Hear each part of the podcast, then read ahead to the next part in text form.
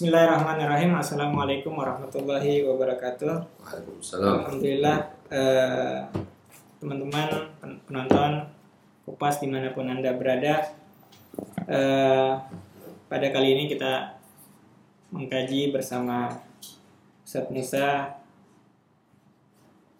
eh, dalam kajian filsafat Islam. Eh, ini adalah serial yang kesekian kalinya teman-teman bisa mengikuti serial-serial filsafat atau kajian-kajian kupas tentang filsafat sebelumnya pada video-video yang telah tayang sebelumnya. Eh, dan kali ini eh, kita jumpa lagi pada sesi berikutnya. Dan alhamdulillah eh, pada kali, kali ini ada Ustadz Musa yang menemani kita. Eh, beliau menulis banyak tentang filsafat baik berupa buku ataupun penerjemahan buku-buku filsafat. Salah satunya buku yang saya pegang ini beliau adalah salah satu beliau adalah editor editor buku ini filsafat hikmah buku terbitan lama dari Mizan mungkin ini sudah tidak beredar lagi tapi saya yakin eh, banyak ditemukan di berbagai perpustakaan karena buku ini saya lihat dan menurut eh, apa yang saya pahami sangat penting bagi eh, wacana filsafat di Indonesia. S- baik salah satu yang menarik dari buku ini adalah eh, tentang pemakaian istilah filsafat di kalangan filosof Muslim. Hmm. Jadi eh, apa namanya ada kategori eh, filsafat Islam. Hmm. Nah, eh, yang saya tahu filsafat itu dari sejarahnya berasal dari Yunani. Hmm. Eh, kemudian nanti pada eh, sejarahnya ada tran, ada penerjemahan, kemudian berkembang dalam tradisi Islam. Hmm. Nah, yang mungkin kita ingin bahas sebenarnya apa sih perbedaan antara filsafat Islam nanti yang akan kita dalami pada sesi-sesi berikutnya dan filsafat Barat. Apakah hanya copy paste kemudian menambah ayat-ayat apa namanya itu Islamisasi Hmm. filsafat semacam itulah. Ah, atau apa Sat? Sebenarnya apa perbedaan mendasar sehingga eh, ada kategori filsafat Islam dan ada kategori filosof Islam. Atau itu hanya adjektif untuk bahwa seorang muslim yang belajar filsafat Yunani ya fils- filosof muslim atau termasuk filsafat Islam Yunani kemudian di, di, di- diberikan ayat-ayat Al-Qur'an Hmm. sehingga eh, jadilah filsafat Islam. Ah, atau bagaimana Sat, sebenarnya perbedaan itu? Ya. Assalamualaikum warahmatullahi wabarakatuh. Waalaikumsalam warahmatullahi wabarakatuh. Uh, Mutahari telah di dalam buku itu telah memberikan sejumlah kemungkinan maksud dari filsafat Islam ini ya. Hmm. Karena pada akhirnya kan orang menyebut filsafat Islam ini kata Islamnya di sini kan kata sifat adjektif dari filsafat. Di antara kemungkinannya seperti yang telah eh, Anda sampaikan tadi bahwa yang dimaksud filsafat Islam adalah filsafat pada umumnya itu tetapi dikembangkan oleh orang-orang Islam di dalam lingkungan Islam dan juga eh, hidup di dalam tradisi Islam. Ini yang pertama. Yang kedua, yang dimaksud dengan filsafat Islam adalah filsafat Yunani yang kemudian ditransmisikan atau diterjemahkan dan dituliskan kembali oleh orang-orang Islam. Hmm. Jadi sebenarnya filsafat Yunani, sebenarnya bukan- filsafat Yunani. filsafat Yunani. Ini kemungkinan kedua. Ya. Kemungkinan ketiga adalah bahwa filsafat Islam itu sejatinya adalah sesuatu eh, filsafat ya dalam makna teknis itu kan apa? Ilmu tentang wujud Hmm. ya ilmu atau pengetahuan yang membahas tentang wujud sebagai wujud Hmm. yang hakikatnya memang didorong oleh ayat-ayat Al-Quran. Artinya Hmm. Filsafat Islam itu adalah sesuatu yang memang terinspirasi oleh wahyu ilahi yang turun pada Rasul ini. Jadi ayat-ayat Al-Quran itu memang menginspirasi eh, ilmuwan Muslim, eh, ulama Islam untuk berpikir filosofis. Karena apa? Karena memang di situ ada ayat-ayat yang secara khusus berbicara tentang wujud sebagai wujud atau being qua being. Hmm. Being ini wujud, qua being artinya sebagai wujud. Wujud nanti panjang ceritanya.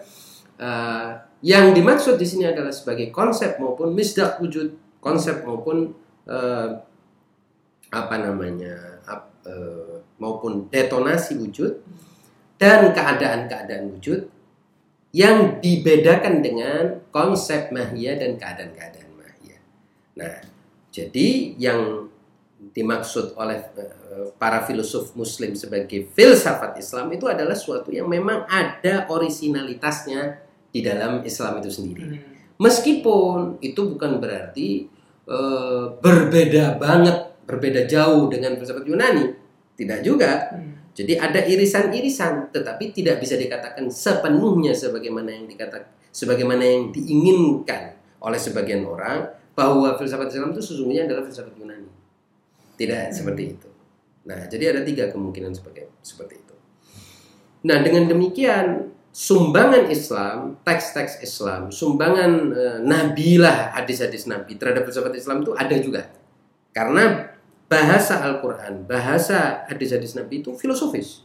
Hmm. Karena dia berbicara tentang hal-hal yang fundamental, Hmm. hal-hal yang eksistensial. Hmm. Dan ketika eh, kalimat atau kata itu berbicara tentang suatu yang eksistensial, yang eh, apa, yang substansial, yang fundamental, maka ia berhak untuk disebut sebagai filosofis. Hmm.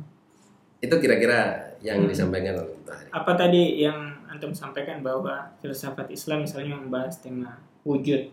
Ya. Nah kalau apakah ini hal yang sama atau definisi yang sama dalam misalnya filsafat Barat yang misalnya masa abad pertengahan? Oh beda, ya Nah. itu wujud di dalam filsafat Barat Hmm. beda dengan yang dimaksud wujud dengan dalam filsafat Islam. Apa bedanya? Oh besar, bedanya Hmm. banyak sekali. Wujud di filsafat Barat itu tidak dibahas sebagai sebuah Tema eh, utama. sebagai sebagai tema utama, ya. Eh, dan selain Heidegger, selain beberapa filosof Barat, mereka tidak membahas tentang wujud sebagai wujud. Pada umumnya mereka membahas wujud sebagai konsep, wujud sebagai eh, manifestasi, sebagai fenomena, sebagai pengalaman, ya kan? Tidak wujud sebagai wujud, tidak dibahas. Karena mereka kan eh, problemnya filsafat barat itu kan tidak mengenal apa yang disebut sebagai konsep universal, ya, atau universalia. Dan mereka sudah meninggalkan bahwa ada yang disebut sebagai konsep universal, universal itu. Jadi juga mereka meninggalkan Yunani maksudnya begitu. Ustaz? Enggak, Seperti memang Yunani idealisme. tidak hmm, Seperti tidak itu. sepenuhnya mendalami tentang persoalan konsep universal itu. Wujud sebagai wujud itu bisa dikatakan sebagai eh, pembahasan yang eh, di dalam filsafat Islam lah mendapatkan porsi besar besar.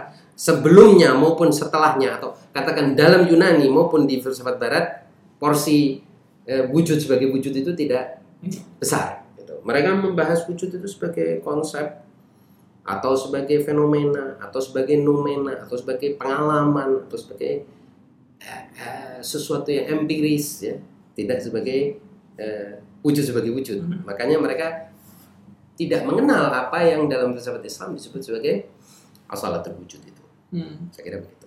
Yang kedua saya dengar ya apa namanya? Apa benar bahwa dalam filsafat ya tema tadi itu mulai dari filosof yang terdahulu sampai yang terakhir itu pembahasannya ya konsisten dengan wujud itu Ustaz.